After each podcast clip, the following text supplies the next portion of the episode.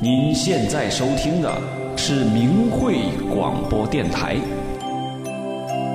您现在收听的是明慧广播电台。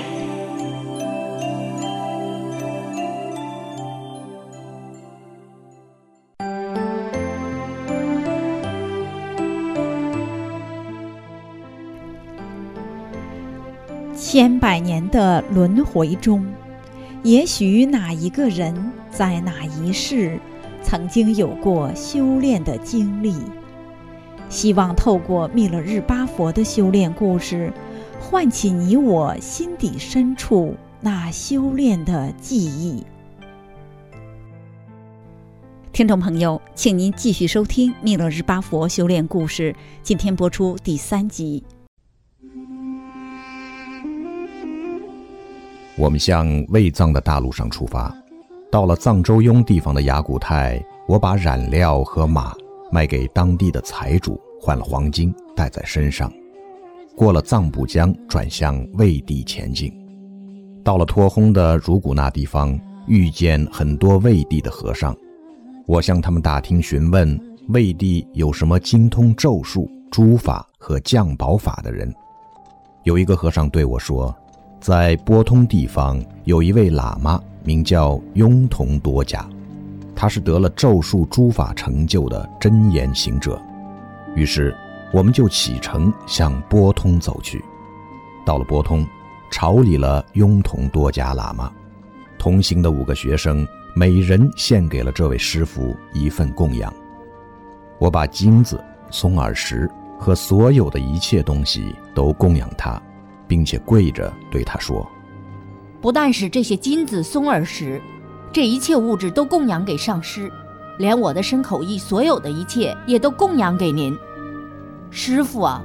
我的邻人和亲戚做了极残暴、对不起我家的事情，我要用咒术来诛罚他们，请您老人家把最好的咒术传给我吧。同时，我在这学法期间的衣食等，也要依靠您老人家赐给我。”喇嘛听了我的话之后，笑了一笑，说道：“我要慢慢的看你所说的是不是真话。上师并没有教我们最深奥的咒术，只教了一两个恶咒和一些口诀和修法。这一点法就用了一年多的时间才传授完。授完了这些咒法，我的同学们都准备回去了。喇嘛每人赏给了一件魏地出产的羊毛衣。”可是我却没有自信，心中暗存：如果拿这种咒术来报仇，恐怕不会有什么效力吧？拿着这个没用的咒术回去，母亲一定会自杀的。想了想，就决定还不回去。我的同伴们向我说道：“文喜，你不回去吗？”我说：“唉，我何尝不想回去呢？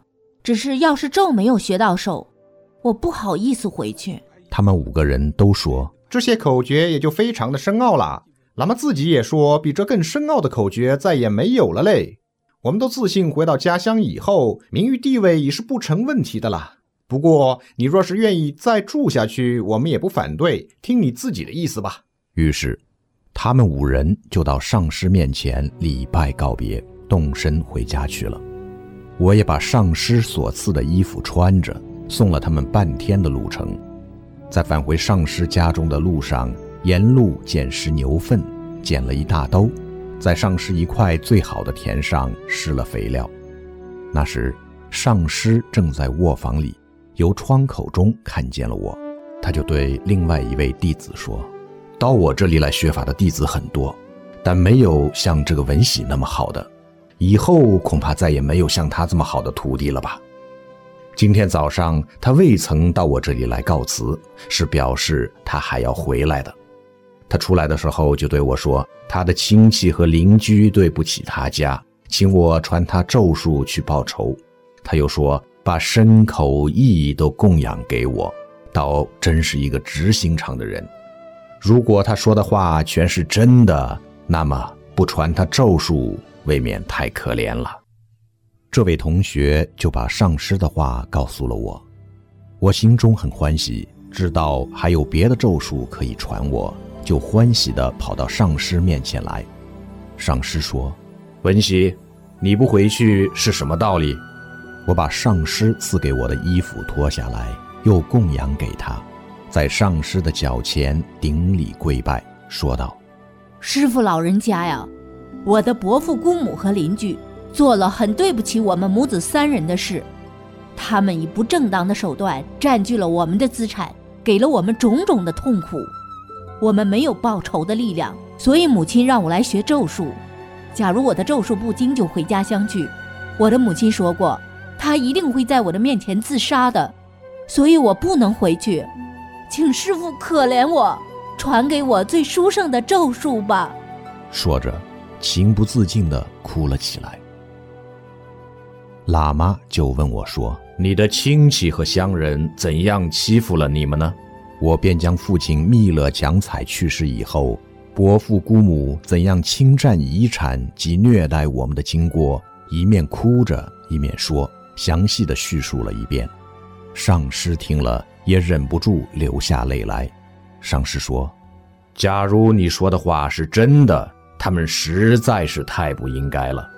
至于求我咒术的人，从各处来的都有，从俄日三州来的供养百千的黄金和翠玉，从卫藏来的供养百千的绒、酥油和青稞，从多康。”贡三处来的供养顶好的茶和绸缎，从恰他孔三处来的供养成千的马牛羊群，但是以身口意来供养的却只有你一人。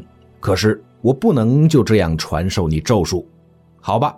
我如今先派一个人去调查你的话是不是真的。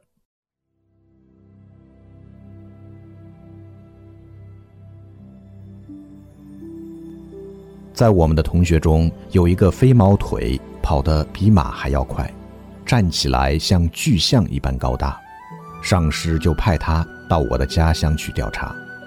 过了没有几天，他就回来了，对上师说：“师傅老人家，文喜所说的话一点也不假，请你传他一个最好的咒术吧。”上师对我说：“文喜，起先我如传你咒术，怕你这个憨头憨脑的人会后悔。”现在既然知道一切都非虚构，我当将咒术传授给你。我有两个秘法，一个是杀法哼，一个是回法呸。有一位叫古荣巴功德海的喇嘛住在藏州西溪村，他精通医药，并且善咒术。他也有一个密咒，就是降宝法。我们彼此传授了独有的秘法以后，就成为莫逆之交。因此，凡是到我这里来学咒术的人，我都送到他那里去；他也将向他求咒术的人送到我这儿来。经幡你也不能例外，就让我的大儿子陪你一同去吧。师傅为我准备了食物，又给我带了魏州的细毡、毛呢。还给我一些用来供养古荣巴师傅的礼品，我们将这些东西都装载在马背上，就向藏州出发。到了西溪村，会见了古荣巴喇嘛，我将带来的礼品悉数供奉了给他，然后又将我的悲惨遭遇和所以要求诸法的理由细细地叙述了一遍，恳求喇嘛传授我咒法。喇嘛说。永同多家喇嘛与我是生死至交，他送你们来一定是有理由的。我自应传授你秘密诸法，不过你们第一步必须在山下人们所看不见的地方先修筑一个炼法堂。我俩就在山脚下一处僻静的地方筑成了一个简陋的炼法堂。用一块跟牛一样大的石头将房子遮蔽起来，上师就在这炼法堂内传授了我咒术的秘密口诀。我在堂内修了七天法，喇嘛就对我说：“从前的时候，这法修七天就够了，你现在也只要修七天就够了。”但是我说，我所要诛咒的地方很远，请让我再修七天吧。到了第十四天的晚上，上师又来对我说：“今天晚上在法坛的旁边，当有诸法成果的表现。”果然，当天晚上，密教的护法神护世三昧耶神，手里提着三十五个人头和心胆来对我说：“你们叫我办的事就是这个吧。”第二天早上，喇嘛又来问我，护法神对我说：“该杀的人还有两个，还要不要杀呢？”我心满意足地说：“让他们留在世上做见证，看看自己的报应，请饶恕了他们吧。”因为这样，才把伯父和姑母留了下来，没有诛死。最后，我们又修法供养护世三昧耶神，送赞护世三昧耶神回去，散发解坛。那时，在加俄泽我的家乡中，咒术灵验的表征是些什么呢？原来那天正是伯父的大儿子娶媳妇，请了很多的客人到家中吃喜酒。那些从前帮着伯父姑母欺负我们的三十多个人都一起到了伯父家里来贺喜。另外还有一群同情我们的人们亦在备请之列，正在徐徐地向伯父家走来。大家还在议论伯父姑母的不是，有的说。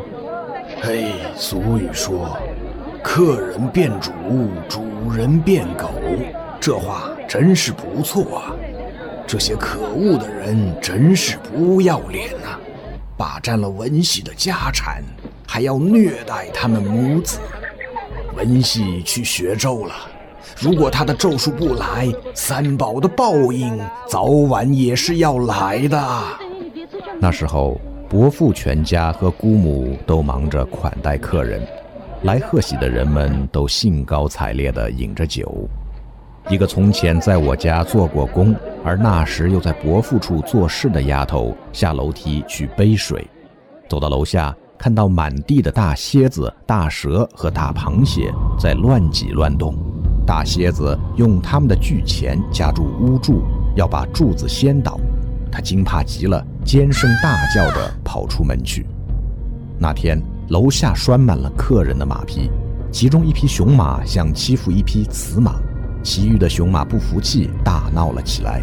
雌马就狠狠地要踢雄马，可是不知怎的，一脚却把柱子给踢倒了。说时迟，那时快，整个房子哗啦啦一声就倒下来了，到处都听见一片呼叫的声音。伯父的儿子、新娘和那三十多个人一起都压死了，满地只见倒塌了的房屋，瓦砾堆上浮着一片灰尘，断木破瓦之下压着一群死尸。这时，我妹妹皮达正在附近张望，看见了这情形，马上飞跑回家去，急急忙忙地对母亲说：“妈，妈呀，你看，你快看，伯父家的房子倒了。”死了好多人啊！母亲不大相信，心里却是一阵暗喜，连忙跑出去看，看见伯父的家只剩下一片瓦砾，漫天都是蒙蒙的灰尘。母亲又惊又喜，慌忙从她褴褛的衣服上随便撕下了一块布条来，急急地系在一条长棍子上面，一面摇晃这面破布旗子，一面飞跑出去，大声喊叫道。大家快来看呐！天啦，喇嘛啦，三宝啊，请受供养啊！街坊邻居们啊，告诉你们，米勒奖彩不是有了儿子了吗？我白庄严母穿破衣裳，吃坏东西，供给我儿子学咒术，目的没有达到吗？各位看呐！伯父和姑母说：“人多就打一仗，人少就去放咒术。各位看，现在怎么样？现在文喜只放了一点小小的咒术，却比打一场大仗还厉害。你们看呐，上面的人，中间的财宝和下面的牲口啊！我活到今天没有死，能够看见我儿子演这出戏。”我白庄严母真是高兴死了！哈，哈哈哈哈哈哈，啊哈哈！哈我一辈子也没有这样快活过。各位看呐，各位看呐！他把旗子一面摇一面晃，一面喊叫一面跑，真是快活极了。伯父、姑母和全村的人都听见了，其中就有人说：“这个女人说的话恐怕是真的呀。”另外一个人说：“真倒是像真的，只是说的太过火了一点儿。”人们听说我用咒术杀死了这么多人，大家都集合起来说：“这个婆娘，闹出这样大的事儿来，还要快活的到处喊叫，我们非把她心肝的血挤出来不可。”有个老头子连忙劝阻道：“就是把那个女人杀了，又有什么好处呢？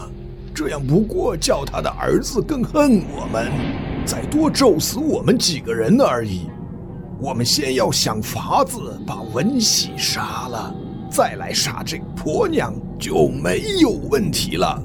这样才算没有杀死我的母亲。可是伯父听了以后就说：“我的儿子也死了，姑娘也死了，我跟他拼了，不要活了。”说着就要跑出来杀我的母亲。大家赶快把他拦住，说：“都是因为你才闹出这件事儿来。现在文喜还活着。”如果你现在把白庄严母杀死，文喜再放咒术，我们都活不了了。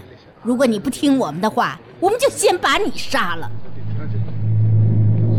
这样才把伯父劝阻下来。村人大家便商量怎样派人来杀我。我的舅舅就到母亲这里来说：“昨天你所说的话和所做的事，使得村人大家都想把你和你的儿子弄死。”你有什么防备没有啊？唉，放一次咒术也就够了，何必再引起公愤？这样劝了又劝，母亲就说：“唉，你还不了解我们吗？这些事情我也明明知道，我是报复那些夺我们财产的人，才种下这个恶种子的呀。这个冤仇，用尺子量是量不清的哦。”别的话一句也不说，只是哭泣。舅舅叹了一口气，说：“你的话当然也是对的，可是恐怕杀你的人快来了，你还是把大门关起来吧。”母亲就把门好好关牢，在屋里想来想去，非常不安。我们从前的那个女佣人，因为可怜我母亲，就偷偷地跑过来对母亲说：“他们现在倒不想害你。”他们想害少爷，你赶快告诉他，让他小心一点才好。母亲听了他的话之后，暂时放下心来。母亲把剩下来的铁钵钱穷田又卖了一半，一共卖了七两黄金，想把这笔钱送给我，却不便叫任何村中的人送来。最后正想自己送来的时候，恰巧有个魏地的瑜伽行者到尼泊尔去朝山。来到我们村上托钵化缘，母亲把他的来历详详细细地问明白了，觉得他很适合做送信的使者，于是母亲就对他说：“师傅，请您在这儿小住五六天。我的小孩子现在在卫藏地方学法，我想写一封信给他，邀请师傅帮帮忙给他带去。”那位瑜伽行者答应了。母亲就好好的招待他住了几天。当天晚上，母亲点了一个灯，跪在神前发愿说：“我的心愿如能实现，这个长明灯就不熄灭；若是我的心愿不能如愿，请立即熄掉。祈请文喜的祖先护法神以此示我。”这样发愿以后，灯点了一昼夜都没有熄，因此。母亲相信所谋一定可以如愿成就，于是第二天，他就对那个朝山的行者说道：“师傅，朝山人的衣服和鞋子都是很要紧的，你的衣服让我好好的来补一补，我另外再送你一双鞋底儿吧。”说完，就给了他一块又长又大做鞋底的皮子，把身上那又旧又破的衣裳取下来。用布把破处缝好，在衣裳的背心当中把七片黄金隐藏在内，用一尺见方的黑布缝上，在黑布片当中用白色的粗线绣成了六个小星，再用布遮住了这些小星，却不让行者知道。此外，又送了那个行者很多的礼物，在信封上盖了一个印，方把信交给行者，请他带去。这时，母亲心里暗想：现在这些村中的人们不知道在打什么主意，要想个方法来吓他们一下。母亲就对皮达妹妹说：“昨天那个行者带来了你哥哥的一封信。”皮达就四处去告诉大家，让大家知道我有信带回家。母亲仿效我的口气，写了一封假信，信上说：“母亲大人启下敬禀者，诛咒见效，儿心大快。若村人尚有对母亲及皮妹无礼者，请即将其姓名、家族使之，以便放咒。”而以咒术取人性命，易如反掌；诛其九族，灭其根苗，由探囊取物耳。若村人尽节不良，请大人及皮妹移居此处，而出离乡里，自无分文。今则资财盈库，享用不尽矣。岂是此著而闻喜拜上？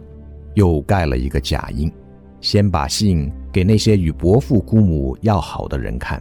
随后就把信放在舅父的地方，这样一来，他们便改变了计划，不敢再想杀害我们。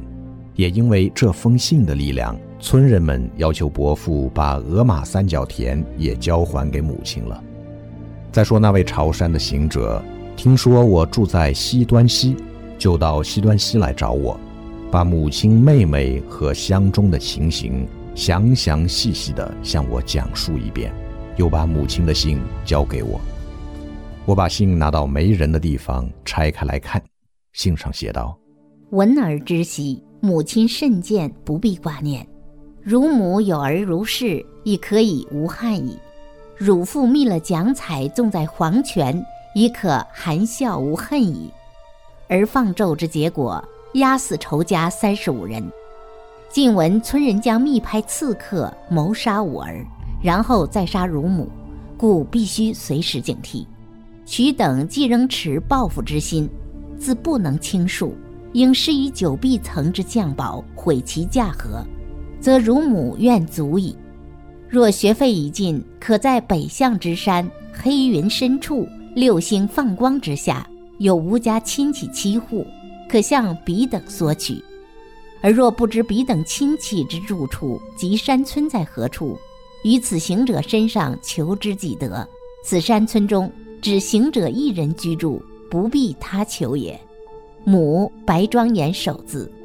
我看了信以后，不明白信中的意思，想起家乡，想起了母亲，信中所说的山村和亲戚也都不知道，需要的学费供养也拿不到，不禁眼泪汪汪的流了下来，哭了一阵，把泪眼拭干。走去向行者说：“听说你知道我亲近所住的山村，请你告诉我好吗？”行者说：“我就听说喜马拉雅山下的贡德抗有你的亲戚。”我问他道：“你还知道别的地方吗？请问你的家乡是哪儿啊？”行者说：“此外的山村我知道的很多，但是你的亲戚住在哪儿，我却不知道。我是魏地的人。”我说：“那么，请你等一等，我马上就来。”我就把信拿给上师看，把经过的情形详细的说了一次。上师就说：“你的母亲嗔心真不小啊，杀了这么许多人还不够，还要降宝。”接着又问道：“你的亲戚在北方什么地方呀？”我回答说：“我以前从来没有听说北方有什么亲戚，但是信上明明是这样说的。我问那个朝山的行者。”他也说不知道，到底是怎么回事儿啊？那时，师母智慧空行也在一起，看了信之后说道：“你把那个行者喊进来。”师母就烧了一盆大火，请行者进去烤火喝酒。师母指天画地，东说西说，顺便就从行者的背后把他的大衣脱下来披在自己身上，说：“穿着这样破旧的衣服去朝山。”福气一定会来的。说着，东走西走，就走到楼上去了。师母在破衣的当中取出了黄金之后，照样补好，仍旧把衣服还给行者，招待他吃饭，留他住宿。师母对我说道：“文喜，文喜，到上师那儿来呀！”我与师母一同到了上师面前，师母就给了我黄金七两。我很惊异地问道：“这黄金是从哪里来的呀？”师母就说：“你的母亲真聪明啊，在行者的身上把这七两黄金藏得这样好。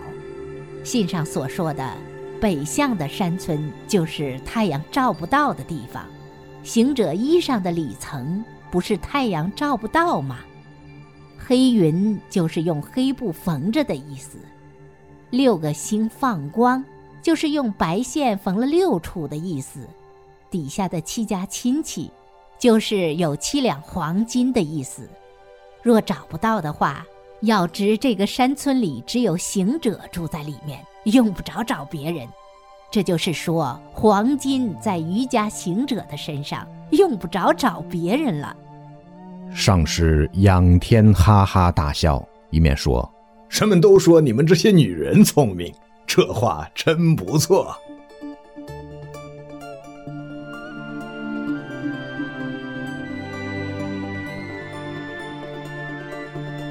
我给行者一钱金子，行者真是快活极了。我随后供养师母七钱金子，供养上师三两金子。